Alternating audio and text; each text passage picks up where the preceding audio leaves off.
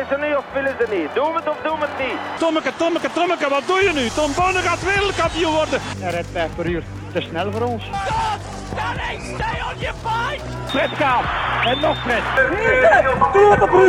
Chef, doen is iets. Chef! Wat is er mis met Dumoulin? Hollands poepen. Hij heeft diarree. Don't stand on my dog or I cut your head off.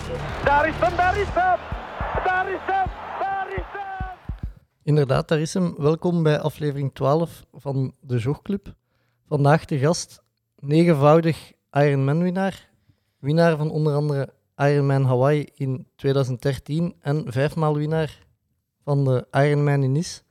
In 2013 verkozen tot sportman van het jaar, het Vlaams Sportjuweel gewonnen en sportverdiensten en de Vlaamse Reus gewonnen.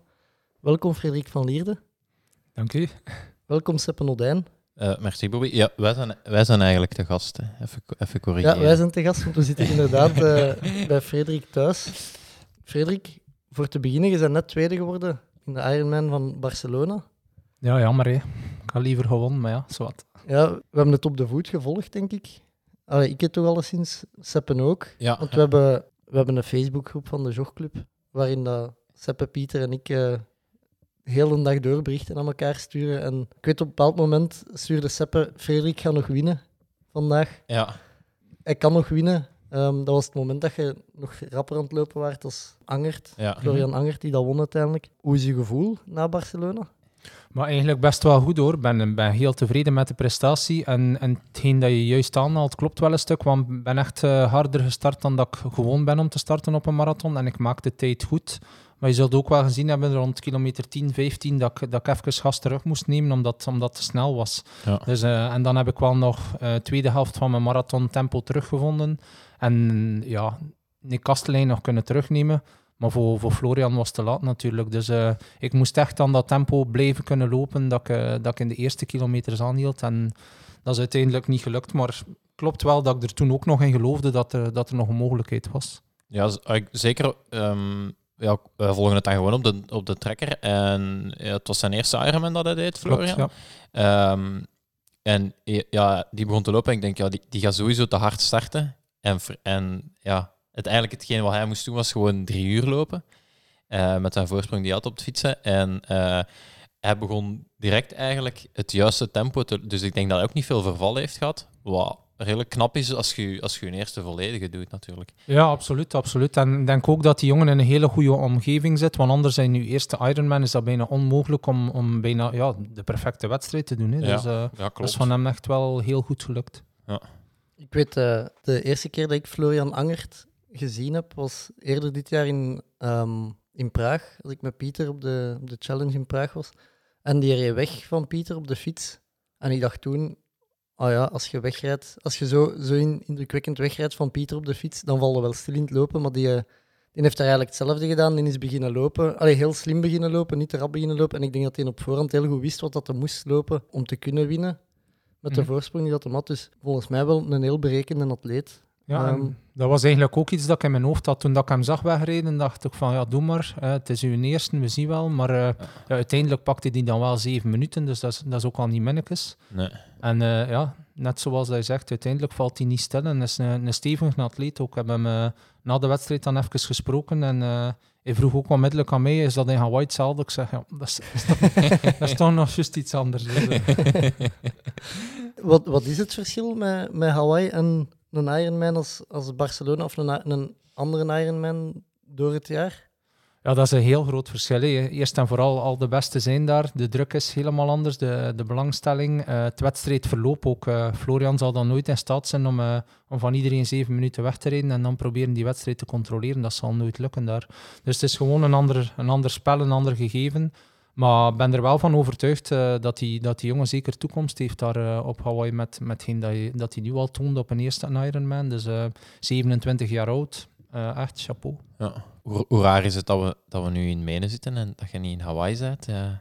Is dat, is dat, do- doet dat iets met u? Of, of, eh, Absoluut. Ik kan, kan moeilijk zeggen dat, men- dat mij dat niks doet. Ik ben het ook op de voet aan het volgen. Ik ben elf jaar op rij geweest. Het is nu voor de eerste keer in twaalf jaar dat ik die periode van het jaar thuis ben. Eh, maar anderzijds, het is een beslissing dat ik zelf genomen heb. Ik was gekwalificeerd, ik kon gaan. Ja. Maar ik ben uiteindelijk niet gegaan en beslist om het anders aan te nemen. Ehm, ja, en ja, mijn carrière verloopt op die manier en ben- ik sta daar ook wel volledig achter, zoals dat ik het nu aanpak. Eh, Ik heb daar niks meer te bewijzen op Hawaii. Ik heb hem gewonnen. Ik had liever natuurlijk ehm, ja, in die laatste paar keer dat ik geweest ben met, met een positiever gevoel naar huis gekomen, maar het is wat dat is. En ja, ik, ben, ik sta er volledig achter, achter mijn beslissing. Ja, ik dacht, ehm, want je, je had het eigenlijk al een heel jaar aangekondigd dat je niet naar Hawaii zou gaan. En met alle respect, Free, ik dacht in het begin, hij is zijn eigen nu aan het indekken voor als hij zich niet zou kunnen kwalificeren deze jaar. Eh, zo dacht ik begin, allee, begin van het seizoen. Ehm, ik ken me niet goed. nee, en, nee, inderdaad. ehm, we hier. hè. maar zo zou ik, ah, ik zou zo zijn. Dus. Ehm, en dan gaat u in Lanzarote, eh, je hebt Ironman Lanzarote gewonnen en u, u daar dan gekwalificeerd. En ehm, dat je dan nog zegt van, hè, ik heb in het begin van het jaar gezegd, ik ga niet, dus ik ga ook niet gaan. Dat vind ik, ja, Chapeau. chapeau, Ja. dat je dat toch vasthoudt. Ehm, denk zeker dat- omdat, ja, je bent er elf keer geweest, dus Hm. ja, ik kan me voorstellen dat je er ook wel wilt bij zijn deze jaar.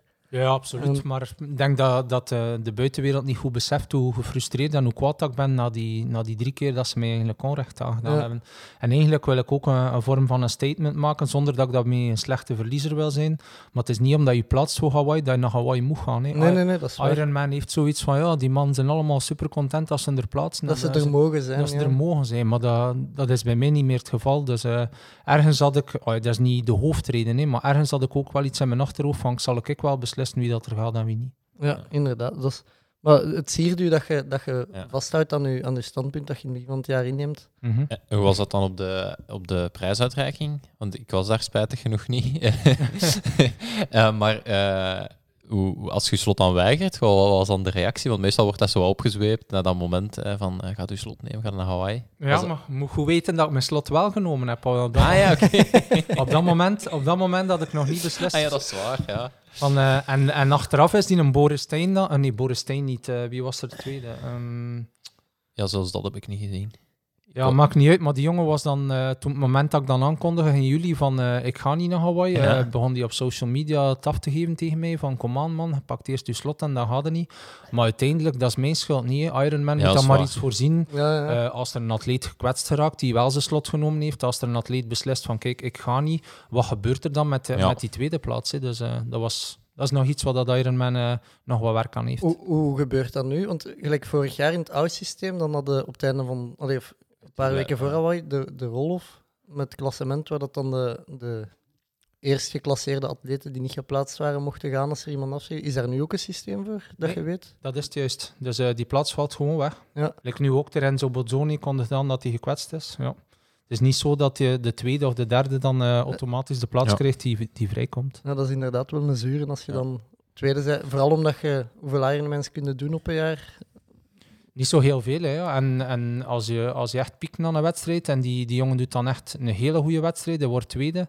Ja, ik, vers- ik versta zijn frustratie ook wel, maar dat is, dat is uiteindelijk mijn fout niet. Nee, nee, Nee, nee, dat is absoluut. fout van het systeem. Eh, verder hadden we, we hebben een deel van uw palmarès opgenoemd bij u aan te kondigen. Hadden we geweten dat het op hun auto hing, hadden we wel niet zoveel opzoekwerk moeten doen. Nee, ehm, we hadden nog enkele vragen bij, u- bij uw palmarès. In 2006 we hadden een tiende plaats in een Iron Tour. Maar wij, wij vonden heel weinig informatie over wat is een Iron Tour. Ik denk dat dat, ik denk dat, dat nu niet meer bestaat. Ehm, dat was eigenlijk eh, ja, begin de jaren 2000 echt wel heel populair. Dat was een Tour de France eigenlijk van triathlon. Hè. Dus dat was zes dagen op rij, elke dag een triathlon doen. Van mij in die editie 2006 was dat nog vier dagen op rij. Dat was in de regio van de Alpen. En dat was eigenlijk super tof. Ik zat toen in eh, een team van Montpellier. Ja. En dat was zo ja, een beetje een fait divers. Dat taalde wel niet echt, maar dat is wel een hele leuke wedstrijd om te doen. En elke dag was dat wat meer. Dus we starten met een supersprint. De dag daarna een sprint. Dan iets tussen een sprint en een kwart. En de laatste dag een kwart. Ah ja, oké. Ja, en met Gomez, met de, ja, ik werd tiende in totaal. Ja. En ik werd elke dag wel beter. Dus toen was het eigenlijk al duidelijk dat ik iemand was die eh, Voor de lange afstand. meer Ja. voor de lange afstand. Ja. Dus als ze dat tien dagen hadden getrokken en de laatste dag had een Ironman Was ik gewonnen. Ja. Het klinkt mij ook al direct veel beter als dat Super League eh, waar ze nu mee begonnen zijn. eh.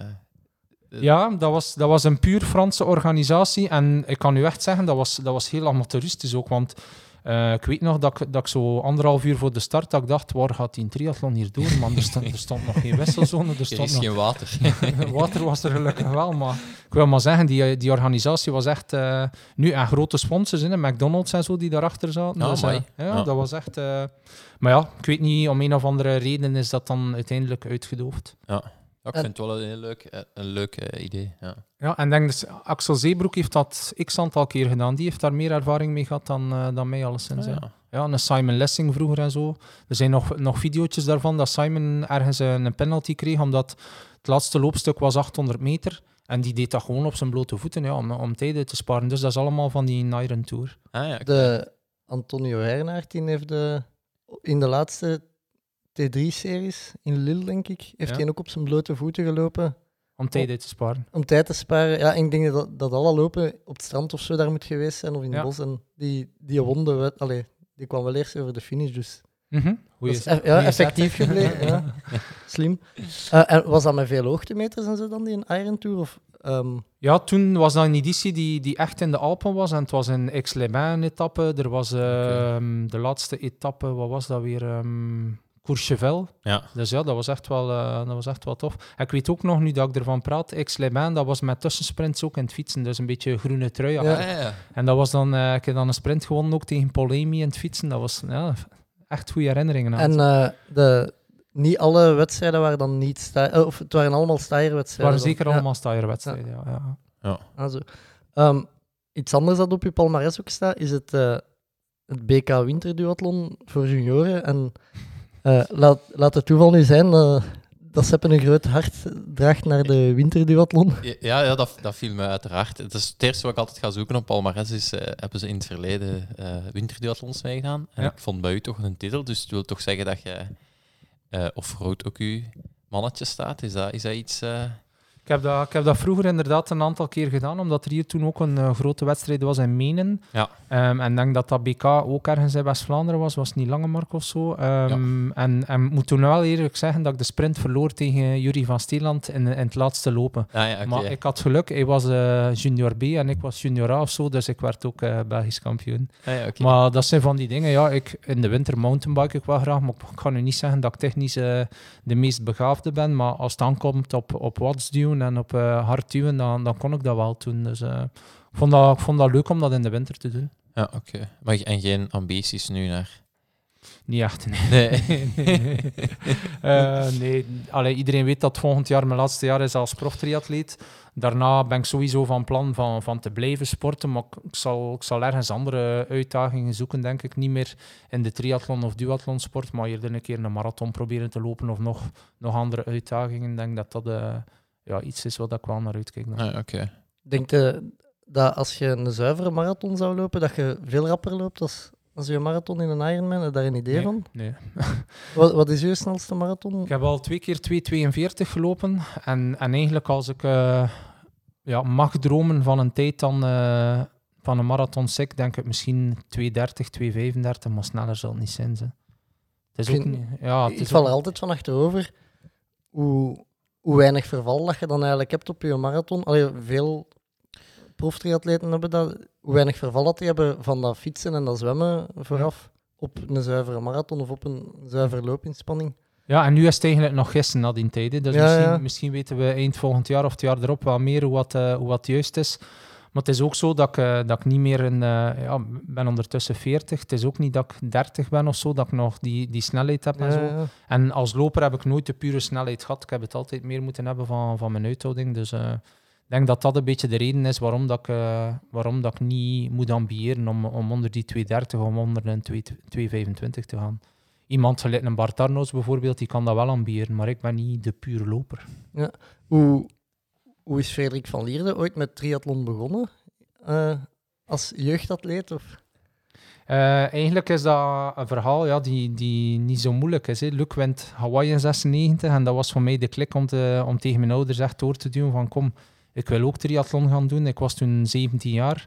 En ja, dezelfde naam, een streekgenoot die, die Hawaii wint, dat was volop in de media toen. En dat is eigenlijk de reden geweest eh, waarom dat dan eind- uiteindelijk gelukt is om, om mijn ouders te overtuigen. Want ik was eigenlijk al van mijn veertiende bezig van kom, ik wil triathlon doen. Maar in die periode was dat niet zo dat er veel ja, kleine triathlonnetjes bestonden. Bestonden zo van die zwemlopen en daar was ik wel redelijk goed in. Maar ja, ik ben blijven, blijven zwemmen tot aan mijn 17 en dan pas de overstap gedaan naar triathlon. Oké, dus echt eerst alleen maar gezwommen en dan... eh, Ja, ja. tot vervelens toe, maar ja. Ja. Ik dacht van, kom, ben dat zwemmen, moet ik gaan triathlon doen. Ja, ja dus... eh, maar en is het dan niet raar als je, als je altijd... Ik, ik kom uit, uit wielrennen en ik vind altijd... eh, Ik doe dan nu eh triathlon. Ik, ik kan er soms me echt aan ergeren dat ik weet van wat ik als wielrenner deed. En ja, ik moet nu drie sporten doen, dus je doet niet meer hetzelfde op de fiets. En ja, ik heb daar soms wel moeite mee. Heb je dat met zwemmen ook? Dat, dat, dat je dan weet van vroeger deed ik dit en kon ik dat. En nu... Ja, je moet ergens... Ja, ik begrijp wat je bedoelt, maar uiteindelijk voor ons de competitie in een triathlon, dat zwemonderdeel is niet meer krak hetzelfde als, ehm, als toen dat ik zwemmer was in, Ja. in een bad. Maar wanneer dat ik dat wel heb, is bijvoorbeeld als ik eh, lactaattesten doe met Luc van Lierde, dan denk ik soms van, man, als ik 16 jaar was, dan zwom ik 55 op 100 meter krauw. En kan ik dat nu niet meer? Nu zwem ik nog 57, 58. Of... Dat, is, dat is nog altijd behoorlijk. hè. Ja, het is Ja, dat, ja. ja. Maar, maar dan denk je van, allee, als ik 16 jaar was, dan kon ik 55 zwemmen. Kan ik kan dat nooit van zijn leven, kan ik dat nog. Dus dan heb je wel nog altijd die referentie zo van, ja, vroeger kon ik dat en nu kan ik dat eigenlijk niet meer. Ja, en je hebt, maar je hebt nooit het gevoel tijdens je trainingsschema's van ik ben hier drie sporten net iets te weinig aan het trainen. Je, voelt, allee, dat, heb ik, dat heb ik soms wel van oké, ik, eh, ik, ik fiets, ik zwem en ik loop al, maar ik, ja, ik loop niet genoeg voor een marathonloper te zijn. Ik fiets niet genoeg voor een coureur te zijn en ja, van een zwemmer. Ja, dat is ergens wel zo. Maar anderzijds ben ik er ook wel van overtuigd dat je, eh, als je alles bij elkaar neemt, dat je er echt wel een, een hele stevige conditie opbouwt. En dat de ene discipline zich soms wel kan overdragen op de andere. Ja. Conditioneel dan wil Ja, zwaar. Dus eh, ja, ik denk eigenlijk wel dat onze sport eh, een hele complete sport is. En, ja. dat absoluut, ja. Dat, dat zeker. Ja. Ehm, en je hebt dan, eh, als je de overstap gemaakt hebt van zwemmen naar een triathlon, zijn de, ja, gelijk eigenlijk alle triatleten, op de korte afstand begonnen. Ehm, weet, in welk jaar was dat ongeveer? Dat Ehm, ja, 97 was mijn eerste jaar als, als junior. En dan kwam ik al onmiddellijk eh, ja, met een Axel Zeebroek, met eh, Bert Chamar, eh, Frederik de Vreese. Dat waren eigenlijk allemaal de mannen, wat een sterke generatie, dat ik toen tegenuit kwam. En het is ook wel zo dat ik, dat ik in het begin niet trek ehm, wedstrijden won. Ik zat altijd wel goed vooraan. En Ja. als jonge gast van 17, 18 jaar motiveert dat wel. Hè, want in dat zwemmen was ik zo, ja, een keer top 10, een keer top 20 in België, maar niks, Ja. niks speciaals. En als je dan uiteindelijk triathlon doet en dan word je derde of tweede op een BK, dan is dat wel tof. Hè? Dus eh, dat motiveerde wel op die leeftijd. En dat is eigenlijk ook wel de reden geweest waarom dat ik niet een van die, van die jonge gasten geweest ben die, die plots stopt met sporten. Ik heb het Oh. altijd verder gedaan. En eh, je hebt dan ehm, ja, eerst op de korte afstand bezig geweest. In 2004 zeg je topsporter geworden bij Defensie. Als eh Seppe zijn opzoekingswerk goed gedaan heeft. Klopt, klopt. Ehm, kun je eens vertellen hoe dat, dat in zijn werk is gegaan? Allee, hoe zeg je Ja. daarbij terechtgekomen of met het idee beginnen spelen van hè, bij Defensie te gaan als sporter? Ja, er hangt eigenlijk een, eh, een klein verhaaltje vooraf aan, aan vast. Omdat ik eh, in 2002 had ik een heel goed jaar. Dat was eigenlijk het jaar dat ik eh, voor het eerst les gaf. Dat ik, ehm, ja, dat ik afgestudeerd was. En toen heb ik een grote sprong gemaakt. Ik werd Belgisch kampioen. Ik werd ook tweede op het Europees kampioenschap voor beloften. BK in Leuven, denk ik zelfs. BK in Leuven Ja. ja. was dat, met, met, Jee. Met Rutger en met Axel op podium. Ehm, en dan wat later op het seizoen in Echternach werd ik tweede na Sven Riederer op, eh, op TK voor beloften.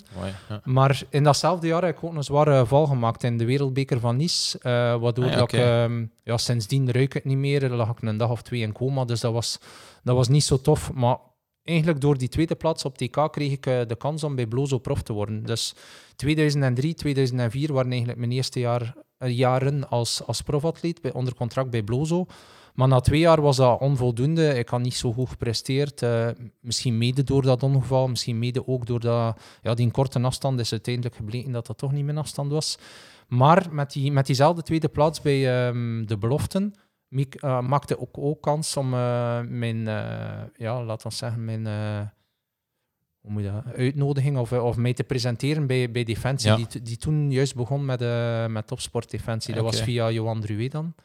En eigenlijk ja, ben ik mij dat gaan voorstellen aan die commissie. En, en die tweede plaats op TK voor beloften heeft mij dan teruggeholpen om, eh, om een contract vast te krijgen bij Topsport Defensie. Ah, ja, oké. En, en ehm, dat, is, dat sinds dan altijd dat je nu nog, nog uh, topsporters hebt bij Defensie. Hoe is, hoe is, Ja. hoe, hoe, hoe, hoe- wat moeten we ons daar juist bij voorstellen? Eigenlijk, dit- er, allee, er zijn veel triatleten die topsporters zijn bij Defensie, maar Ja. Ja, er zijn er veel, er zijn er Ja, veel geweest. Marino, Marino en eh Marten. Ja, Ja, sowieso. En dan eh, in, in de beginperiode had je ook nog- Simon ook nog. Ja, Simon Kjell de Kuiper. Verlezen, Simon de Kuiper. eh Gelder toch? Nee, ja, die is in topsport. Ah, Die die is in topsport. Ah, ja, dus oké. sporter hoog niveau. Ah ja, Ja, oké. ja. Maar ik ben nog een aan het vergeten. Ze, maar er, eh, Yuri, Yuri van Ah, Stijn. ja, ja. Dus ehm, ja, dat was, dat was echt wel een, een top... Of dat is nog altijd een topsysteem. Maar hetgeen wat, dat we, wat dat we ehm, naartoe wilden, was eigenlijk van... Eerst moet je, moet je binnen geraken met, met een top 3 of een... eh, ja, met een top 3 op een EK of een WK. Ja. En uiteindelijk word je dan elk jaar beoordeeld ook op hetgeen dat je presteert. Dus eh, er zijn een aantal criteria die per atleet vastgelegd worden. Van kijk, op het einde van het jaar moet je dit of dat behalen. En van mij was dat ehm, ja, op de korte afstand was dat top 8 Europees, top 16 eh, wereldbekers en zo. Ik weet niet meer juist hoe wat dat in elkaar zat. Maar uiteindelijk, 2000 of eind 2006, was het ook voor mij duidelijk dat, dat mijn contract niet zou verlengd worden op de korte afstand. Omdat ik ja, niet, niet mijn criteria haalde, niet voldoende presteerde. En dan heb ik 2007 nog een laatste kans gekregen van Defensie om over te schakelen naar de lange afstand, halve afstand. Ja. En eh, ja, dan win ik Braschaat, het Europees kampioenschap long distance. En dat was, dat was het weer vertrokken. Dus dan had ik eigenlijk van Defensie de kans gekregen om mij om te scholen van korte afstand naar lange afstand. Ja. En, en zo is dat nog altijd ehm, mijn contract die, die dient. Hè. Dus, eh, ja. En je, mijn- ja, zeg maar. je doet enkel je basisopleiding dan als soldaat? Ja, je die basisopleiding als soldaat van twee maanden en dan heb je nog, heb je nog een specifieke opleiding waarin dat je wat trainingsleer, wat fysiologie en zo krijgt om, om uiteindelijk ja, als, eh, als topsporter aangenomen te worden. Drie jaar kandidatuur en na drie jaar krijg je dan een, ja, Een beoordeling. Ah, ja, oké. ja. En, en wat doe je dan nu? Moet je nu nog dagdagelijks iets doen voor het leger? Of hoe moeten we dat zien? Of, of, of- Ons, onze taak voor het leger is eigenlijk dat dat zoveel mogelijk in de, in de media komt. Eh, ja. Positief in de media komen. Twee, ook eh, een vorm of een, een bron van inspiratie zijn voor mensen binnen Defensie. Zodanig dat we sport ook kunnen ja, gaan, gaan promoten binnen Defensie. Ja. Ehm, en dat is eigenlijk het belangrijkste. Voor mij, als ik thuis ben, is de bedoeling dat je vier uur per week op de kazerne zit. Voor mij is dat hyper hier dichtbij. Maar dat is ook niet het belangrijkste. Dus eh, Ja. het belangrijkste is echt wel dat je ja, goed naar buiten komt met het feit dat je topsporter defensie bent. En dat is uit- uiteraard moeilijk om in elk interview te zeggen van ja, ik ben topsporter defensie. Maar uiteindelijk, dat, dat vormt hem wel. En als je dat, als je dat een beetje goed eh, omkadert en, en doet, dan, dan komt dat wel goed naar voren. Ja. En in, in, in hoeverre voelt jij je dan soldaat? Of, of, of hoe- in hoe, hoe, hoe, hoe, hoe zit dat? eh, Allee, zit dat nog in je dagdagelijks leven? Dat je daar, of, of zeg, voelt je echt topsporter en is... Ik voel mij topsporter. Ik ben, ik ben niet echt soldaat. Hè. Ja. Ik denk dat je, als je met mij naar de, naar de, Wat een oorlog. naar oorlog eh, in strijd gaat, dan ben ik eh, misschien juist goed om weg te lopen, maar meer niet. Dus, nee, de- Ook en dat is ook, belangrijk. ja, ook belangrijk. ja. Dat is ook niet de bedoeling, denk ik. Eh, de, de hoofdbedoeling van, van Hans dat project was, echt- was echt positieve aandacht creëren Ah ja, rond defensie. Want eerlijk gezegd, ja, als defensie in de media komt, dan is het... ah, Zes of zeven op de tien keer dat het slecht is. Ze zijn te dik of het kost te veel geld of dit of dat. Dus eh, je- als het top- geld is op. Ja. het geld is op, ja. Dus, eh, ai, dat is enkel, enkel in, in die optiek dat ze dat opgestart hebben. Ja, Oké. En dat heeft wel ook iets positiefs aan het leger. hè. Ja, dat, een, Nee, absoluut. Een topsporter is sowieso een sterk iemand, eh, fysiek, mentaal. Dus eh, dat is echt... Ja, in andere landen bestaat het ook. Allee, in Duitsland is met de politie, like Tony Martin, die, Als politieman, Ja. inderdaad. Mhm. die Ja. is politieman. En eh, de, de sprinter op de piste daar, met zijn ongelooflijk dikke benen. Fursterman. Ja, Robert Fursterman, die is ook politieagent. Ik vraag me wel af in welk kostuum dat ze die steken. Wat een broek dat ze die aandoen. Dat zal een speciale zijn. Ja. Ja, denk in Italië ook, ze, Carabinieri en zo. Die, Ja. eh, ja. Ja, ik weet dat Cancellara, dat die wel heel veel... ehm, ja, dat die daar nog eh, de legerplicht was nog... Allee, dat dat nog altijd is in Zwitserland, geloof ik. Ja, ze hebben officieel geen leger, denk ik, Zwitserland. Ah, Maar ik denk dat elke, elke burger in Zwitserland, of elke mannelijke burger, wordt aanzien als strijdkracht. En die krijgt een basisopleiding. Maar Ah, ja, oké. een, een echt beroepsleger hebben ze daar niet, als Ah, ik me niet vergis. Ja, dat kan. Dat kan. Ja, want die heeft, ah, ik weet dat, dat die daar wel heel veel ah, in zijn carrière, dat hij daar last van heeft gehad, omdat hij dan eh, een aantal weken binnen moest. En dan, eh, Nu, bij ons was dat ook zo. Die basisopleiding Ja, duurt in principe twee maanden. Ik heb dat goed kunnen passen in eh, december, januari. En uiteindelijk heb je daar niet zo heel veel last van, van gehad. ja, oké. Ja, en en dat- kun je, kon je uw periode kiezen van uw basisopleiding? Of is dat gewoon toen starten erin en je moet een beetje geluk hebben met wanneer dat je kunt beginnen. Want als hij in het midden van je seizoen valt, hypothekeerde natuurlijk wel. Uiteraard, maar binnen defensie zijn ze, zijn ze natuurlijk wel er zo op gericht dat, dat je de atleet de volle kans moet geven om te presteren. Dus ze gaan dat wel in mee als je seizoen. Voor ons triatleten is het ideaal dat je, dat je in de winter dat kunt doen. Er zijn andere sporten waarbij, dat, waarbij dat ze dat dan op een andere periode zetten. Dus ik sloot eigenlijk aan bij een peloton van, van allemaal jeugdige mannen die niks te maken hadden met topsport. En ik deed gewoon mijn opleiding mee met de rest. Iets, wa- iets anders waar ik nog wou op ingaan. Je vertelde daarnet over een ongeluk dat je had gehad ehm, in Nice, waardoor dat je in een coma bent beland. Hoe, hoe heb je dat ervaren? Ai, ik wil zeggen, u, mensen vragen altijd, hoe was dat om in, om in coma te liggen? Herinnerde u daar nog iets van? En, Ja.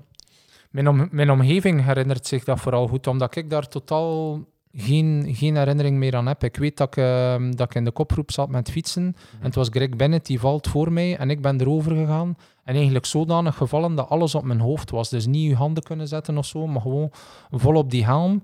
En dan lag ik daar en dan heb ik gehoord dat er eh, iemand daar stond die ja, onmiddellijk de ambulance gebeld heeft, die ook de, de, de tong uit, eh, uit mijn mond wat, wat vrij maakte omdat ik aan het stikken was. En ja, uiteindelijk, die, die paar dagen dat ik daar dan in Nice in, in het ziekenhuis gelegen heb, zijn er eh, ja, een heel aantal mensen mee komen bezoeken. Eh mijn trainer bijvoorbeeld, Luc, die was daar ook voor de dag nadien 2K te doen. Nog een heel aantal mensen. Maar ik, ik vertelde echt waartaal. Ik, ik lag bijvoorbeeld in mijn bed, ik moest, moest enorm naar het toilet en ik zei gewoon tegen mijn pa, kom, ik ga daar in de hoek als het niet uit mijn kamer mag. Dus dat zijn, zijn Ja. allemaal rare dingen zo dat je vertelt. Maar uiteindelijk heb ik daar zelf ook geen herinneringen aan? Of, herinneringen meer aan. En twee, een kwestie van schrik om te vallen heb ik ook nooit gehad, omdat ik nooit dat beeld in mijn hoofd heb gehad Ja. van hoe ben ik gevallen of hoe is het. Het is allemaal gehoord van mij. Ehm, dus ja, uiteindelijk... Ik weet nog wel dat dan eh, in de luchthaven van, eh van Zaventem, waar dan mijn auto geparkeerd stond, dat er dan één iemand heeft moeten gaan zoeken van waar staat die auto. Dat is, dat is ook geen gemakkelijke opdracht geweest. Want dat wist ik uiteraard ook niet meer. Ja. ja, maar het is ook wel, ook wel straf dan is dan eh, toch nog een speciale plek wordt voor u eigenlijk. Ja, absoluut, heeft, dat daar, absoluut. heeft dat daarmee te maken, denk, denkt je daaraan? Of, eh? Uiteraard, elke dag word ik daaraan herinnerd. Sinds tien ruik ik niet meer. Dus eh, Ja. dat, is, dat is een van mijn zintuigen dat ik kwijt ben. Ik heb daar enorm geluk gehad, want het kon veel slechter geweest zijn. Ja. Maar uiteindelijk is het niet zo dat ik naar Nice geweest ben, maar kom, we gaan hier een keer revanche nemen of wat dat er gebeurd is. Voor mij zijn dat ook twee verschillende hoofdstukken in mijn, in mijn carrière. Eén de korte afstand, dan twee de lange afstand. En het is op een totaal ander parcours. Het een heeft ook niet met het ander te maken. Dus eigenlijk mentaal heb ik daar nooit van afgezien. Oké. en hoe, hoe is dat om te leven zonder reukorgaan? Of, Dat heeft zijn voordeel. Hè? jij moet ongelooflijk goed geweest zijn als je kinderen klein waren in, in pampers verversen. Voilà, bijvoorbeeld. Ja. maar uiteindelijk is dat wel iets dat ik mis. Hè. Eh, zo je kindjes een keer kunnen ruiken of zo. Ja, ja. Of, eh, dat, dat zijn een aantal aspecten dat ik niet meer heb. Uiteindelijk, ehm, als je eet, is dat ook juist een tik minder als je, Ja. als je niet meer ruikt. Maar anderzijds heb ik wel nog perfect in mijn geheugen van hoe, ruikt koffie, hoe ruikt wijn, hoe ruikt dat, eh, be- benzine en zo. Dus dat zijn allemaal dingen dat ik nog in mijn, mijn hoofd heb. Maar dat, zijn, dat is dan red- allee, eerder inbeelden dat ik moet doen. Op het moment dat het zo is, dan... Ja. En soms test het me dan nog op, hè, dat, dat mijn kinderen zeggen van ah, dat stinkt hier, man. En dan ruik ik daaraan en dan kan ik echt heel dicht, zonder dat dat mij iets doet. Hè. Oké. Ja, Ja. Daar, daarom heb ik een zwarte koffie gevraagd, omdat ik schrik had als die aan de melk gaat ruiken. ja. goeie zet, goeie zet.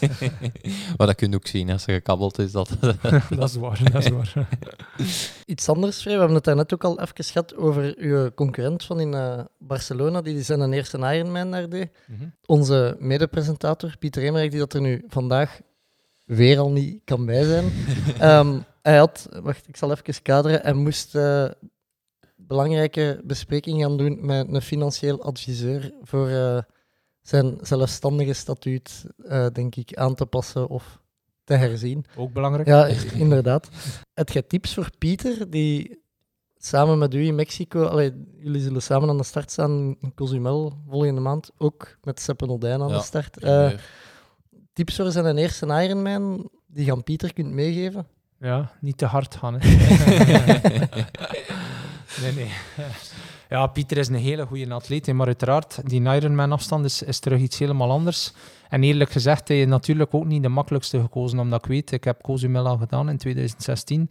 Is ook, eh, ja, qua parcours niet vergelijkbaar met Hawaii, maar qua weersomstandigheden waren ze zelfs misschien nog iets zwaarder, omdat eh, nog vochtiger is daar. Eh, de warmte is ongeveer gelijk. Maar het is wel een vlak parcours, dus eh, het zal heel belangrijk zijn voor hem om, om vooraf heel goed stil te staan bij wat ga ik drinken, wat ga, wat, wat ga ik eten, op welke tijdstip en zo. Dus eh, een heel goed voedingsplan zal eh, belangrijk zijn voor hem. En, en dan proberen dat zo goed, uit- goed mogelijk uit te voeren eh, de dag zelf. Hè. Ja. En uiteindelijk voor hem is het ook een vraagteken hoe dat hij gaat om- omgaan met die afstand en zo. Ik hoorde van Florian Angert ook van eh, zijn langste afstand op training had ooit een keer 28 kilometer geweest. Dus dat was voor hem ook een hele stap nu naar die 42. Hij dient ervoor, dat is duidelijk, hij heeft het bewezen. En eh, ik hoop voor Pieter ook dat hij, dat hij ervoor dient en dat hem dat lukt. Ja. Hoe, hoe was eh, uw eerste ervaring op de volledige afstand? Dat was, dat was van mij in eh, 2008 Ironman Nieuw-Zeeland en toen werd ik ook onmiddellijk tweede. Dus dat, dat toonde ook wel aan dat, ik- dat die afstand iets voor mij was. Ja. Maakte, dat, maakte dan nog, maar heb je dan nog veel fouten gemaakt? Want je wordt dan al direct tweede, want dan... dan Ja, ik, ik zat toen ehm, onder begeleiding van, van Pieter Timmermans samen met Rutger Beke. En het is ook dankzij hun, met, met al de tips qua voeding Ja. en hoe dat je het moet aanpakken, dat, dat mij dat die dag echt tot een goede prestatie geleid heeft. Want ik denk dat dat naast de training uiteraard heel belangrijk is. En eh, nog eens naar Florian Angert, volgens mij heeft hij een goed team rond hem die hem al daarin heel goed begeleid heeft. Ja. Want als hij dat zelf allemaal moet gaan uitzoeken, dan eh, kost u dat een paar jaar. ja, ja, ja, zeker op het gebied van voeding. Maar ja, dat, is- Ja. dat blijft toch ook nog altijd wel een deeltje persoonlijk, denk ik, voeding. Absoluut, ja. Maar dan moet je dan ook ehm, een stuk op training en eh, misschien een stukje geluk of het een of het ander. Ja. Van mij heeft dat ook wel de basis, heb je redelijk rap eh, vast. Maar dan om dat tot de perfectie of te brengen, tot wanneer dat echt 100% bij je past, eh, dat heeft van mij toch ook wel een jaar of drie, vier geduurd. Hè, tegen dat ik echt wist van, kijk, zo moet ik het doen en niet anders. Ah, Oké. Ja, maar Pieter heeft wel al meer dan 28 kilometer gelopen, want... eh, dat kan ik geloven. Hij, ja. moest dus, hij, moest dus, hij moest dus, denk ik, 26 kilometer lopen, maar hij ging mee met mij lopen en ik moest er 32 doen. En ik, heb gewoon hem... ik heb gewoon gezegd, ja, nee, ik, ik eh, loop er ook 26, maar het waren er 32 als ze thuis kwamen. Hij heeft- niet gemerkt, denk ik. Dus. Nee, nee, nee, nee, nee. Pieter kennende, dat zal dat wel... eh, Wat, Seppe, jij had nog een anekdote over Ironman Lanzarote. Ja, inderdaad. Ehm, ik was daar echt heel erg onder de indruk, zeker eh, voor de start. Het was denk ik de derde wedstrijd die ik met u deed. Ik heb niets met u gedaan. En dan eh, Texas. En dan Lanzarote. En ik stond daar al even ja, zenuwachtig te zijn voor de start. En eh, ja, allee, dat zijn echt, ik vind dat verschrikkelijke momenten zo voor de start. Hè. De- ja, ik zwem al niet graag en dan je weet dat er zoveel volk achter komt. Ehm, en jij kwam daar heel relax aangestapt eigenlijk. Eh, en jij zag me staan en je gaf me zo'n soort van knuffel van "Goh, ik weet wat je voelt, maar dat, dat, dat gaat over of zoiets. Eh, en dat hielp wel. En jij bleef heel lang heel relax. En dan op een bepaald moment zei ze ja, nog een minuut voor de start. En dan was dat ineens, ja, Frederik van Leerde die eerst aan die eerste boei ging zijn.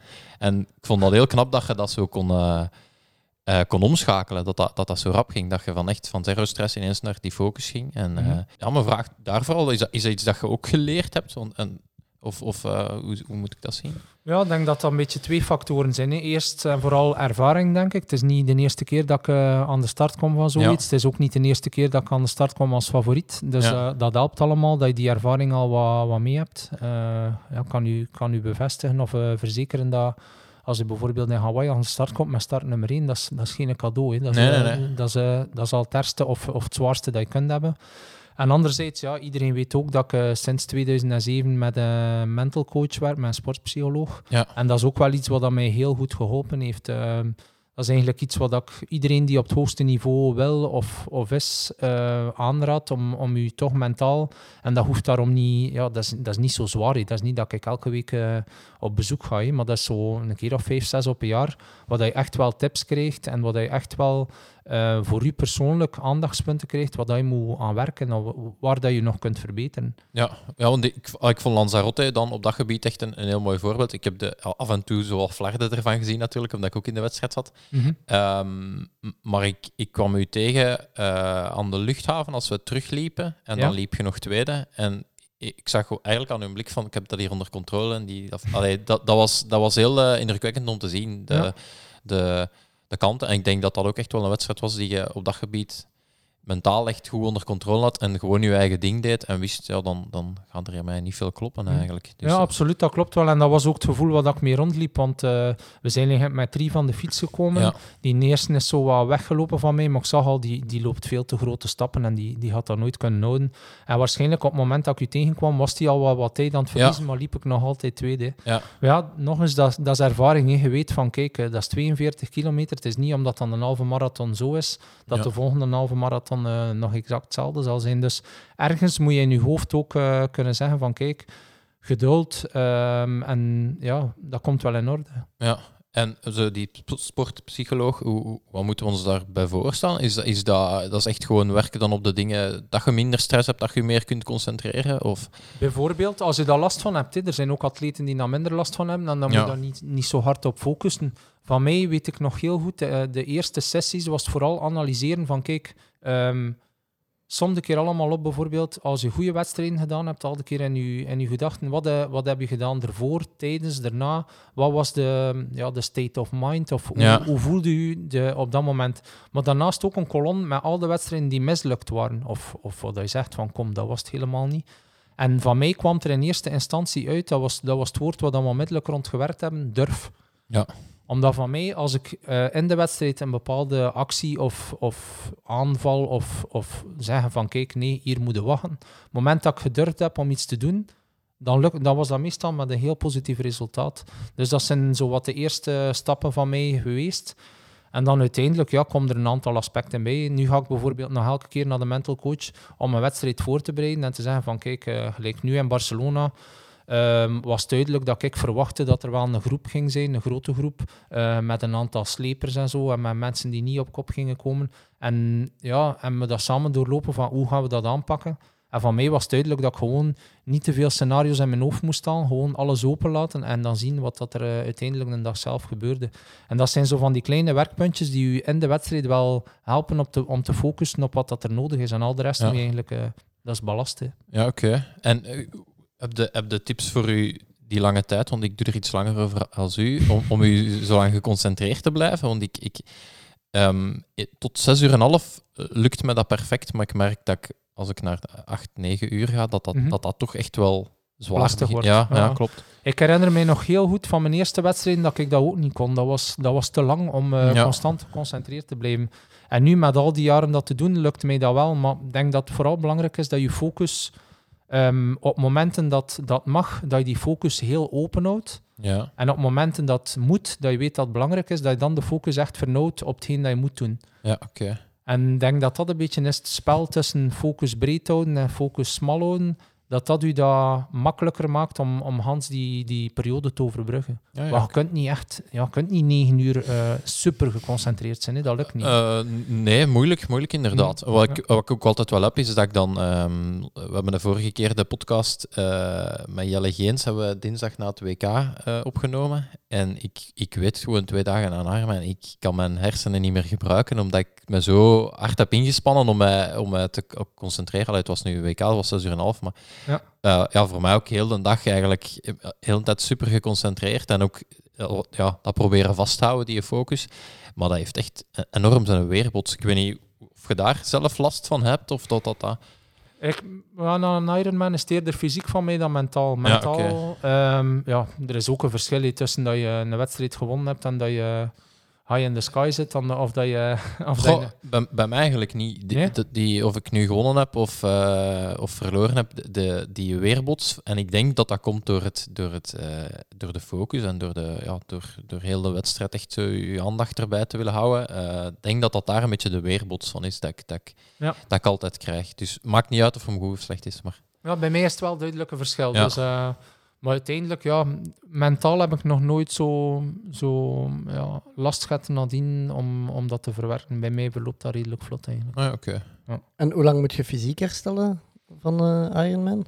Ja, vroeger was dat toch eh, x aantal weken, vier, vijf soms. Eh, en nu met, met, met de leeftijd en met, met mijn lichaam, die dat waarschijnlijk ook herkent, eh, die inspanning, is dat, is dat eerder twee, drie weken voordat ik weer echt eh, helemaal ja, fris ben of dat ik helemaal hersteld ben ervan. Ik heb nog een vraagje over de, de sportpsycholoog. Voor veel mensen hangt daar wat taboe rond om te zeggen van ah, ik, ik ga naar de psycholoog. Of ik, eh, maar bijvoorbeeld Pieter, die doet dat ook. Allee, daar, daar weet Ja. ik van. Die, Mhm. die gaat ook naar een mental coach. En hij zegt ook van dat, dat helpt heel veel. Maar merk je dat, dat, er, dat er mensen zijn die dat er eigenlijk niet over of niet openlijk vooruit willen komen dat ze aan de ps- sportpsycholoog gaan? Of... Ik denk dat dat eh, een persoonlijke keuze is, of dat je daar wel over praten, ja of nee. Of moet je daarvoor schamen, denk ik niet. Moet rekenen, van mij de eerste keer, 2007, ben, ben daar onmiddellijk, eh, ook, ik heb daar onmiddellijk over gecommuniceerd. Ja. Toen was dat nog meer dan nu. We zijn ondertussen 2019. Ja. Dus eh, nee, ik denk dat dat gewoon eh, een stuk is van uw begeleiding. En als je daar de nood aan voelt, waarom niet? Hè? Ehm, en van mij is dat eigenlijk heel simpel gekomen. 2007, zoals ik net vertelde, dat ben ik het EK in Braschat. En toen had ik echt schrik, hè, want dat, voor mij was dat een serieuze druk. Eh, Ja. Europees kampioen, dan verwacht plots iedereen dat je, dat je overal gaat winnen. En dat was eigenlijk de reden waarom dat ik dan naar, eh, naar een psycholoog gestapt ben, om, om mij wat rustiger te houden, om alles een beetje ja, te kaderen, omdat ook, ja, er kwam veel op mij af. Hè. Is dat ehm, vorige week in de allee, vorige aflevering met Hans Kleemput van triathlon.be, die haalde het moment in Braschaat aan als ehm, een van de hoogtepunten uit zijn carrière Ja, als ja. speaker. Ehm Uw Europese titel. Wat, wat zijn voor u zo wat de, na Hawaii dan de, de hoogtepunten in uw, of de momenten die je koestert? Die in 2007 sowieso, dat was live op tv. Dat was eh, eigenlijk ja, een, een, een topmoment. Voor mij ook internationaal echt de eerste grote overwinning. Ik was al wel twee keer Belgisch kampioen geweest, maar dat is, dat is nog een ander niveau natuurlijk. Ehm, ja, wat daarnaast, eh, eigenlijk ben ik ook wel heel trots op het feit dat ik twee keer Abu Dhabi gewonnen heb. Dat waren eh, vooral de eerste keer, 2011, dat was mijn eerste grote internationale Ja. overwinning. Ik kreeg, verdiende onmiddellijk 50.000 dollar. Dat was voor mij wel echt... In, dat was een topdag. in, in olievaten? Of, nee, nee, nee, nee, nee, nee.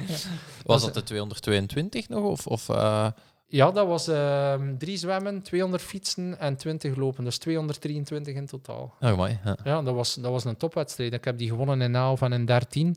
Dat wordt soms wel wat vergeten. Of ja, dat staat niet onder Ironman. Maar ik ben daar echt wel trots op dat ik die ook twee keer kon winnen. Ja, en daarnaast ook mijn, mijn, mijn vijf keer in Nice natuurlijk. hè. Dus eh, ja, in, in een carrière is het eh, is moeilijk om, om te zeggen dat was eh, het beste. Of, uiteraard is Hawaii het belangrijkste. En was dat onbeschrijfelijk, dat gevoel als, je als je wint dit jaar. Maar eh, er zijn ook heel veel mooie andere wedstrijden die ik ook eh, heb kunnen winnen. Heeft eh, uw overwinning in Hawaii u groot gemaakt in Amerika? Of, ehm, ik, ik weet niet hoe dat ik het juist moet omschrijven, maar als, wat hij zeggen, ja. als je ziet hoe dat, ehm, ja, Dave Scott en zo, eh, Hans zei het vorige week ook, dat die Ja. aanbeden worden ja, maar in Hawaii. Dave Scott heeft hem zes Ja, keer heeft- gewonnen, ja, ik- ja. ik één keer. Hè. Nee, nee. Ehm, ik heb er al dikwijls over, eh, over gepraat met mensen en wij blijven Belgen. Hè. Eh, het is een klein land. Eh, was ik Duitser geweest, was ik Amerikaan geweest, dan had ik waarschijnlijk al meer naam en faam eh, gehad. Had ik waarschijnlijk ook al meer verdiend. Maar uiteindelijk is, is dat niet het belangrijkste. Ik ben er heel trots op dat, dat ik als Belg die wedstrijd heb kunnen winnen. Ehm, de aandacht die ik toen gekregen heb, eh, was, was, was heel tof. Ik heb, ik heb er toen heel veel gekregen. En ik hoop dat dat ook op een of andere manier een boost geweest is in België om, eh, om mensen aan triathlon te doen doen. En dat is, dat is voor mij eigenlijk het belangrijkste. Zit. Die, ja, ik, ik, ik heb geen ambitie om in de showbiz te gaan of Nee, om, eh, om, om super bekend te zijn. Nee, niet, maar als atleet ehm, is, allee, is het niet onbelangrijk om... ja, je moet je jaar rond krijgen. Hè. Je moet sponsors zien Absoluut, te vinden. En dan kan zoiets wel helpen. Ehm, Ik ben ook, allee, als je het daarover hebt, ik ben ook altijd eigen gebleven aan mijn eigen imago. Ik, ga niet, ik ben geen grote showman, ik ben eh, een nuchtere West-Vlaming. En anderzijds eh, voel ik ook wel dat er daar ook wel eh, een stevig publiek voor is, of een stevige eh, aanhang van mensen die mij blijven supporten en blijven respecteren voor hetgeen dat ik doe. Dus ik denk dat het vooral belangrijk is dat je jezelf trouw blijft en, en dan niet, ja, niet na- naast je schoenen gaan lopen of zo. Ja. is- zeg, zeg, in Frankrijk bekender? Wordt het daar meer geapprecieerd als, als in Vlaanderen? Of, of, eh, Ehm, ja, in Vlaanderen word ik eh, geapprecieerd, maar we blijven Vlamingen natuurlijk. Wij gaan niet... we hebben dat niet, ja, inderdaad. Nee, we hebben dat Ja. niet. Weet je wat dat grote verschil bijvoorbeeld is? Als je hier eh, vanaf dat moment 2014 bent of 15, dan ben je ex-wereldkampioen. Ja. Overal waar ik kom in Frankrijk is nog altijd champion du monde. Dus dat is, dat is het verschil. Ja, ja. Dat is het verschil. Maar uiteindelijk, ja, het klopt wel dat ik ehm, bewust of onbewust, dat is een beetje gegroeid met Nice, denk ik. Ja. Ook wel een, eh, een grote aangang, aanhang heb in, eh, in Frankrijk. Ook verschillende sponsors.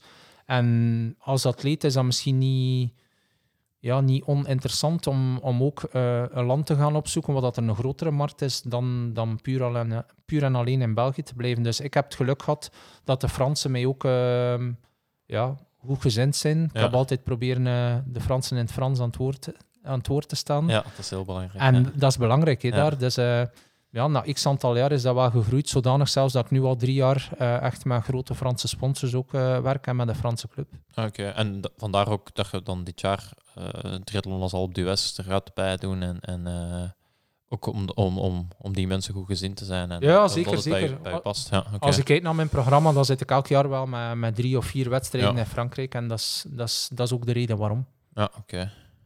Heb jij, ehm, allee, nu de, je bent eigenlijk de laatste 16, allee, 15, 16 jaar profatleet geweest.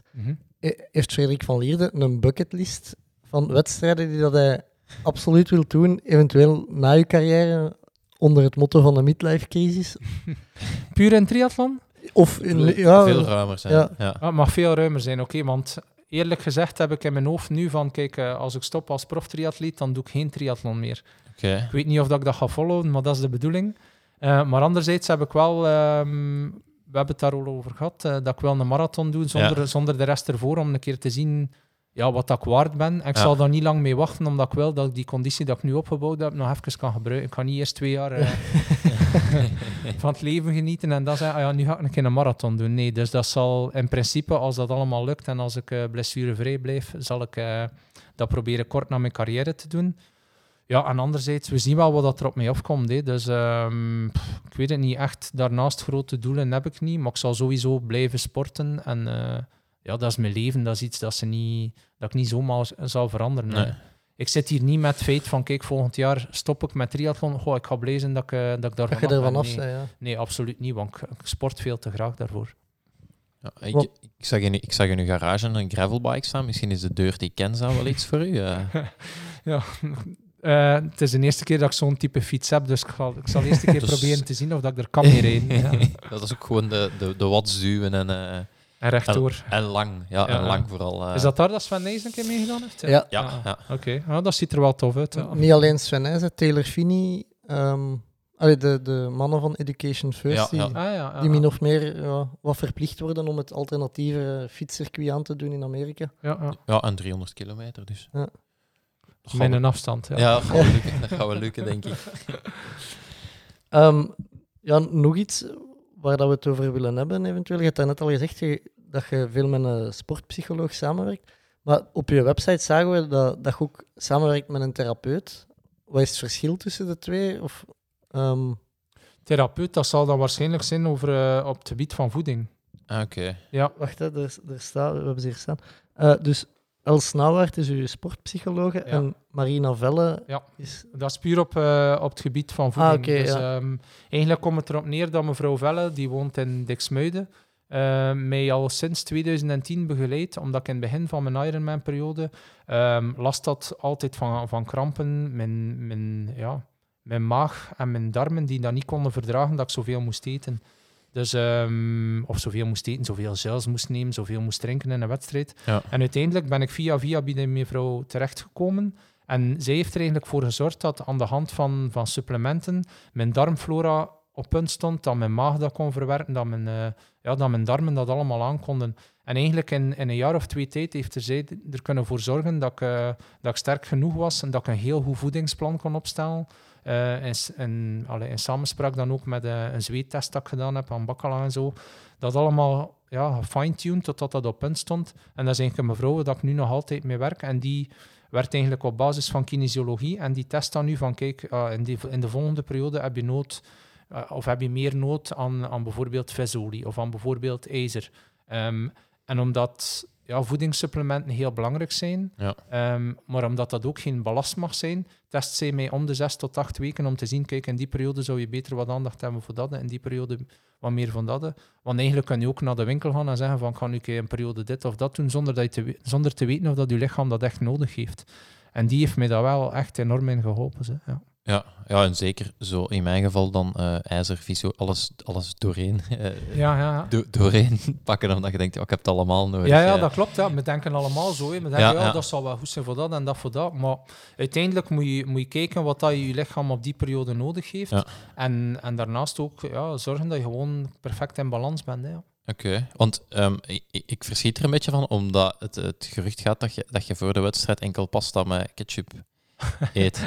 Dat klopt, ja. ja, eh, dat is dan, ik, allee, het is dan straf dat je dan naar een eh therapeute gaat en dat dat dan de oplossing is. Maar dat is gewoon heel... Voor, voor mij wel is dat Ja, de oplossing. Ik moet wel zeggen dat dat ondertussen een rijst met, met honing geworden is in de plaats van ketchup, ketchup eh, Dat- op, ja, op de, op de dat- spaghetti. dat klinkt heel goed. klinkt heel goed. Nee, dat zijn, dat zijn dingen ook. ehm, ik ben bijvoorbeeld ook iemand die altijd maar witbrood heeft. Omdat ik heel gevoelig ben aan vezel, vezelrijke zaken, ook bruinbrood en zo. Ja, Ik moet dat niet doen, want dat, dat werkt niet bij mij. Dus het is niet zo dat, dat er één oplossing bestaat die voor iedereen Nee, altijd nee. geldt. Dus eh, die mevrouw heeft ook met mij uitgezocht van kijk, het is beter dat jij dat doet, dat doet, dat doet. En dat komt er dan uit. Oké, maar ik zou, ik zou een brood per dag eten, als ik wit, als ik wit brood zou eten. Eh, maar ik zit daar ook bijna aan. Ze. Ja, oké, ik dacht al, ja. Iets anders heel markant in uw, in uw triathloncarrière is ehm, in 2015, denk ik, zich overvallen in Zuid-Afrika. Mhm. Eh, heeft dat nog lang nagesleept? Allee, ik kan me voorstellen als je zo. Dat was mentaal zwaarder, ja. Omdat dat, ja, dat is iets dat ik, eh, dat ik heb zien gebeuren. Het moment dat ze mij neerkloppen, natuurlijk, dat weet ik niet meer. Maar ik weet wel nog de situatie van dat ze mij in het nauw dreven. Dat ze mij tot stilstand toen komen met de fiets. En dan, eh, ja, dan is ze mij een klop gegeven. Dus dat is wel iets die mentaal wel een periode nodig gehad heeft om, om dat te verwerken, ja. Dat was, een- ja... Ik kan het niet beter samenvatten als eh, op, op het verkeerde moment op de, op de verkeerde Ja. plaats. hè. Ik zat op parcours van een Ironman om te verkennen. ja En die man had het gemunt op mij om mijn telefoon te stelen en, eh en mijn Oakley. En dat was het. Dat is, dat is eigenlijk zot. Dat is u dan neer. Allee, ik vind dat Ja. zot. Ze kloppen u neer, ze pikken u een telefoon en uw bril. Mhm. Maar uw fiets laten ze liggen. Ja, dat was op het moment dat ik met die P5X rondreed. Dat was een fiets van 15.000 dollar dat ze gewoon laten liggen. Dus eh, ja, uiteindelijk zie je dat... Die, die man had hun. Allee, om het Ja, te zeggen, hun voorbereiding niet goed gemaakt eigenlijk. Eigenlijk niet, nee, nee, nee, dat klopt. Ja. En, maar in hoeverre, als je dan nu naar het buitenland gaat, in hoeverre neemt je dat dan mee? Of, of is dat niet iets dat je zegt van... Ja, dat is, dat is verwerkt, hè, maar dat is Ja. ook wel een van de redenen waarom dat ik nu niet echt goesting heb om daar nog terug naartoe te gaan. Eh, dat is een wedstrijd die voor mij heel goed gelukt is, eh, door hem een keer te kunnen winnen. Maar dan de Ja. keer erop, als je, als je zoiets tegenkomt, dan zeg je eerder van, ja kom, moet ik daar wel nog naartoe? En anderzijds, ja, ik ben, ben getrouwd, eh, ik heb twee kindjes. Het is niet dat ik de risico's wil gaan opzoeken, hè. dus er zijn genoeg andere wedstrijden om nog ja, een goede prestatie te proberen uit te halen. hè. Ja, Ehm, volgend jaar, uw, uw laatste jaar, zoals dat je al gezegd hebt, zijn er al wedstrijden waarvan dat je zeker weet, daar ga ik starten of die, die ga ik sowieso doen? Ja, ik denk het wel. Ik denk dat iedereen er wel eh, ja, bijna van overtuigd is dat ik terug niets ga doen. Dus eh, ik wil hem absoluut een zesde keer winnen. Ik heb nog één kans, dus eh, de druk staat erop nu. oké. ja. Dus eh Nice Dus- is 14 juni, dat, die ga ik sowieso, sowieso doen. Ja. En dan Sable d'Olonne, dat is 5 juli. De, die valt nu drie weken na Nice. Die doe ik sowieso ook. Dat is de 70.3 daar van de, van de club waar dat ik in zit. Ja. Dus dat zijn eigenlijk twee wedstrijden wat de- waar rond dat ik mijn seizoen ga bouwen. Dus voor Nice zal, zal er sowieso wel nog één of twee wedstrijden zijn. Ehm, en dan ben ik in mijn hoofd ook aan het spelen met gedacht om eh, in mijn laatste jaar ook om Bruin te gaan doen. Dus dat is 15 augustus. Ja. Dat is, dat is ideaal. Dat is ook een wedstrijd in Frankrijk weer. Dat is ook eh, iets dat, dat als topatleet, als profatleet nog op mijn bucketlist staat. Dus, eh, Super zware wedstrijd ook. Hè? ja, Ja. maar uiteindelijk denk ik wel dat dat, dat, dat iets is die met zijn goede voorbereiding mij, mij wel moet liggen. Natuurlijk, als ik niets kan doen lukken, dan moet dan, moet dan Bruin misschien ook wel haalbaar zijn. Hè. ja, en al op de West is ook al een beetje in hetzelfde... En West ja. is, is ook al eh, zoiets. Hè. Dus ehm, ik denk wel met een goede voorbereiding dat dat moet lukken. En, en dan ben ik nu eigenlijk nog aan het spelen ook met het idee waar dat ik eh, mijn afscheidswedstrijd ga doen. Want eh, ik zou graag eentje doen in België en graag eentje internationaal. Dus eh, als er voorstellen zijn, laat maar komen. Ja, Kasterlee uiteraard. Hè. Rob Woestenborg heeft heeft zijn carrière daar afgesloten. Ja. En eh, dat was een heel mooi afscheid, vond ik zelf dan. Mhm. Ah, maar dat is, dat is iets dat ik... ik weet het nog niet. Ik ben er nog niet uit hoe ik dat ga aanpakken. Maar eh Kasterlee denk ik nu persoonlijk niet. Nee. Nee, het is, eh, ja, het, de vraag is ook, ja, als je echt zegt van ik ga geen triathlon meer doen daarna, dan denk ik dat je dat wel kunt doen, een afscheidswedstrijd. Maar vaak is het ook van, ja, je, je, je doet die dan en dan is het echt wel gedaan. Terwijl, ja, misschien heb je na drie maanden zoiets van, hey, ik wil nog wel eens... Allee, dan, moet al, dan spreekt alweer van een comeback, omdat je echt gestopt bent. Dat is Ja, dat al... klopt. Maar ik ga proberen eh, mijn been stijf te houden. En, eh, allee, ik, heb, ik heb het lang genoeg gedaan. Het is niet Ja. dat, ik, eh, dat ik gestopt ben aan 32 en denk aan 36 van een miljard. Ik zou toch beter... volgend jaar ben ik 41. Ehm, dus ik denk dat ik lang genoeg Ja, die, absoluut. die ja, sport ja. gedaan heb. Ik denk ook mentaal dat ik lang genoeg op voorhand gezegd heb van kijk, 2020 wordt mijn laatste seizoen. En die laatste paar jaar helpt u dat ook wel, hè, omdat je weet dat je, ja, dat je niet zoveel keer meer aan de start gaat komen. Dus elke kans dat je nog krijgt om een topprestatie eruit te halen, die neem je dan ook. Hè. Dus, En, ik denk mentaal gezien dat dat wel een goede beslissing was. en ho- hoe hard probeert je te genieten als je weet dat je aan je afscheidstournee bezig bent van de wedstrijden? Ja, dat is iets dat ook met de, met de jaren meer gegroeid is. In, het begin zei je echt als jonge atleet, je gaat ervoor en, en zit focust aan 100%. En terwijl dat, dat ik nu de laatste paar jaar wel gewaar ben van de rond en tijdens en zo, van, van wel proberen meer te genieten en meer dingen op te vangen, dan dat je echt in je kokon zit en, en niks van de rest van de wereld ziet. Je marathon waarover dat je spreekt, zijn er al uit welke of waar dat je hem gaat lopen? Ja, En willen dat zeggen ook? Ja, dat is eh, in principe als alles nog eens. Hè, als ik niet gekwetst raak of als er niks aan de hand is, zou ik heel graag de wedstrijd niet kan doen. En dat is eh, ja, het eerste weekend van november 2020. Ik wil komen hazen, hè, Frey. Als, als, als- dat, is, eh, dat is geen probleem. Want we hebben al een aflevering gedaan met, met Kjell, die, eh, Marathons haast. die Ja. professioneel haas is, Ja. hoe moet dat zeggen. Dus we hebben daar al eh, de tips. Dus eh, Kijk, je weet het. Je kan, eh, kan het zien. Hè. ik hou het vrij. Voilà. Nog iets anders waar dat je mee bezig bent na je carrière. Wat dat wij weten is eh, je kennis doorgeven aan, aan jonge atleten en aan andere atleten. En eh, coach van eh, De kleine reiger. de kleine reiger, Sander Emerijk. Klopt. Eh, eh, die afgelopen weekend derde was op de halve marathon van Brussel. Zot, hè. Ja. Ja. Ay, Koen- we- Met Koen Aert op het podium mocht hij eigenlijk. Dat, dat is fenomenaal. Hè. Ja. Ja. En vooral de tijd dat hem, Ja. dat hem loopt. Hè. Dat ging ik zeggen. Eh, Koenaert loopt 1-7. Hij loopt 1,9 laag. Ja, 1-9. Dat is, dat is straf, hè. Zeker Ja. in Brussel, ja. Mhm. Hoe zie je dat in de toekomst? Zo, het, het begeleiden van atleten en hoe hard zijn ze daarmee bezig? Ehm, dat is iets dat ik eigenlijk al waarschijnlijk 7, 8 jaar doe. En wat ik echt mijn plezier in vind. Dus dat is een hele leuke, ja, heel leuk iets om te doen. En ehm, geleerd op ja, trainingstechnisch vlak en zo. eh, Put ik een beetje uit mijn ervaring en hetgeen dat ik meegemaakt heb. Ehm, ja, schema's opstellen op zich is, is voor mij niet zo moeilijk.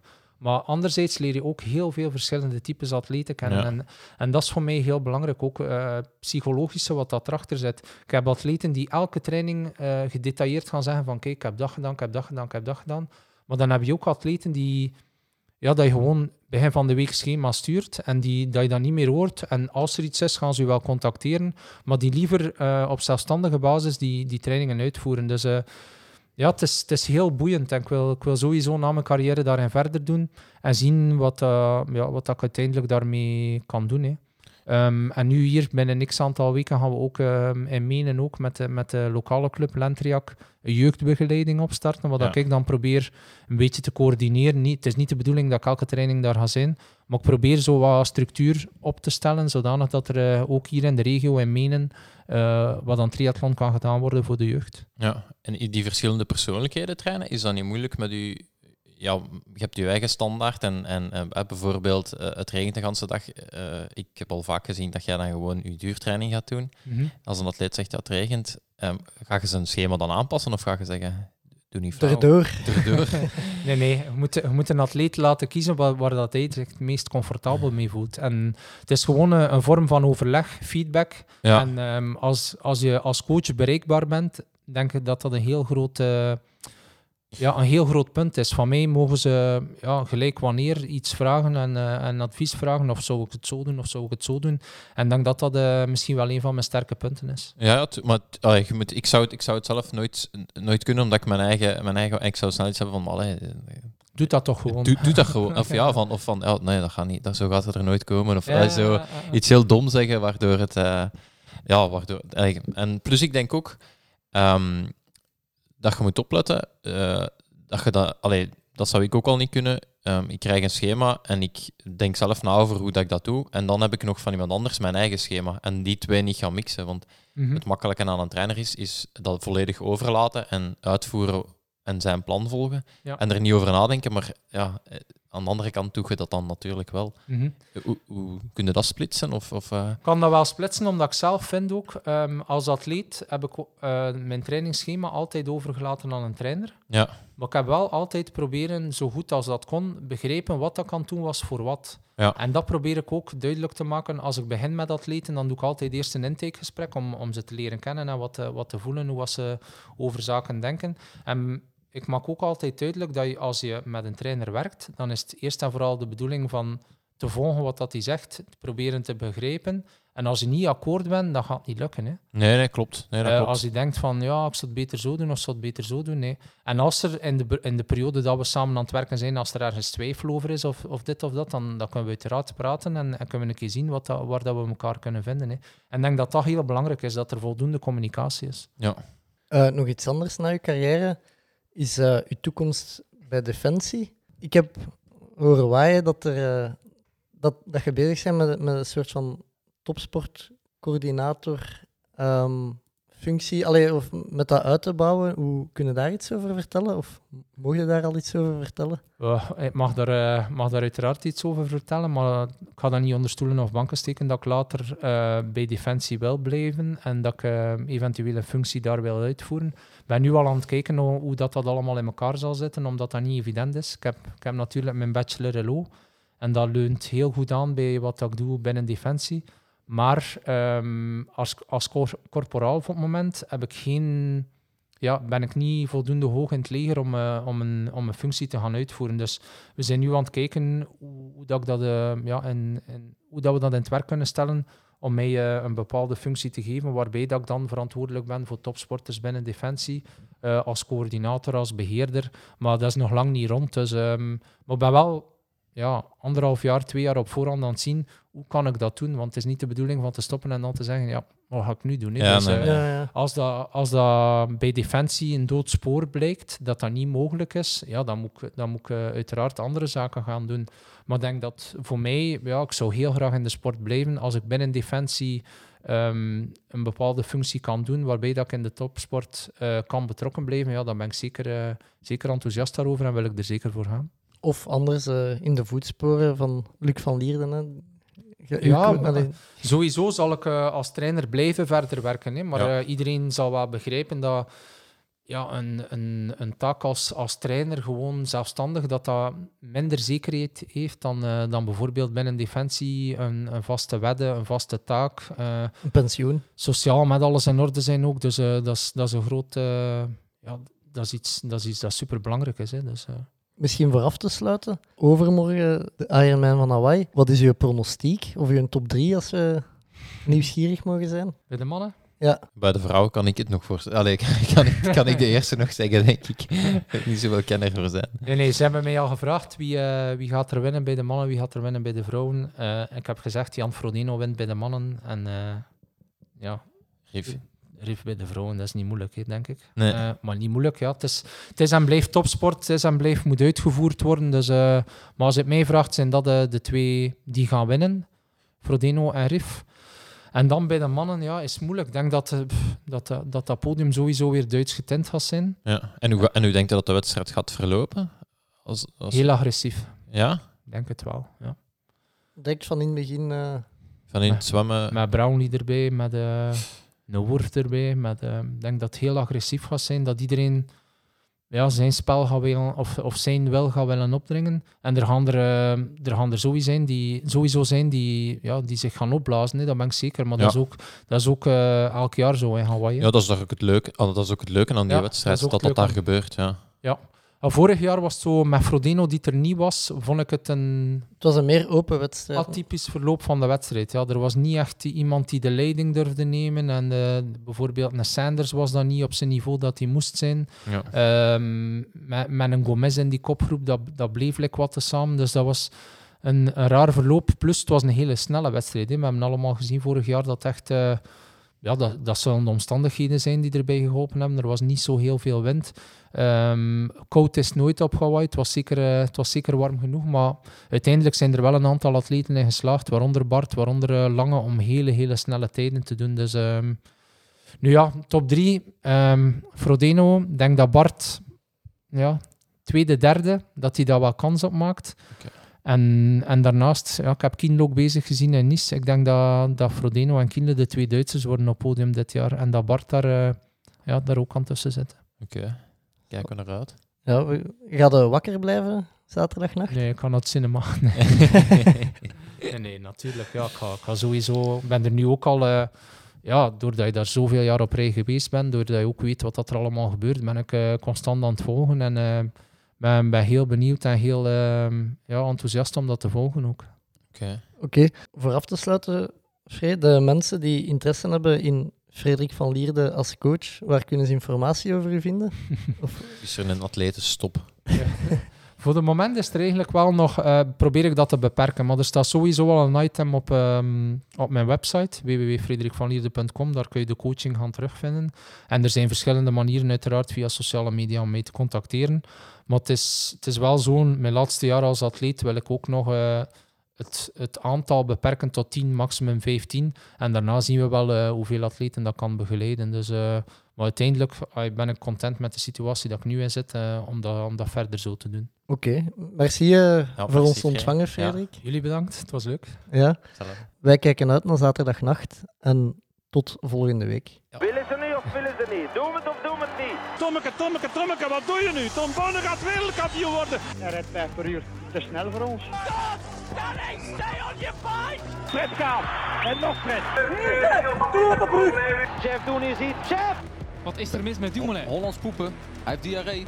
Don't stand on my dog or I cut your head off. Daar is hem, daar is hem! Daar is hem!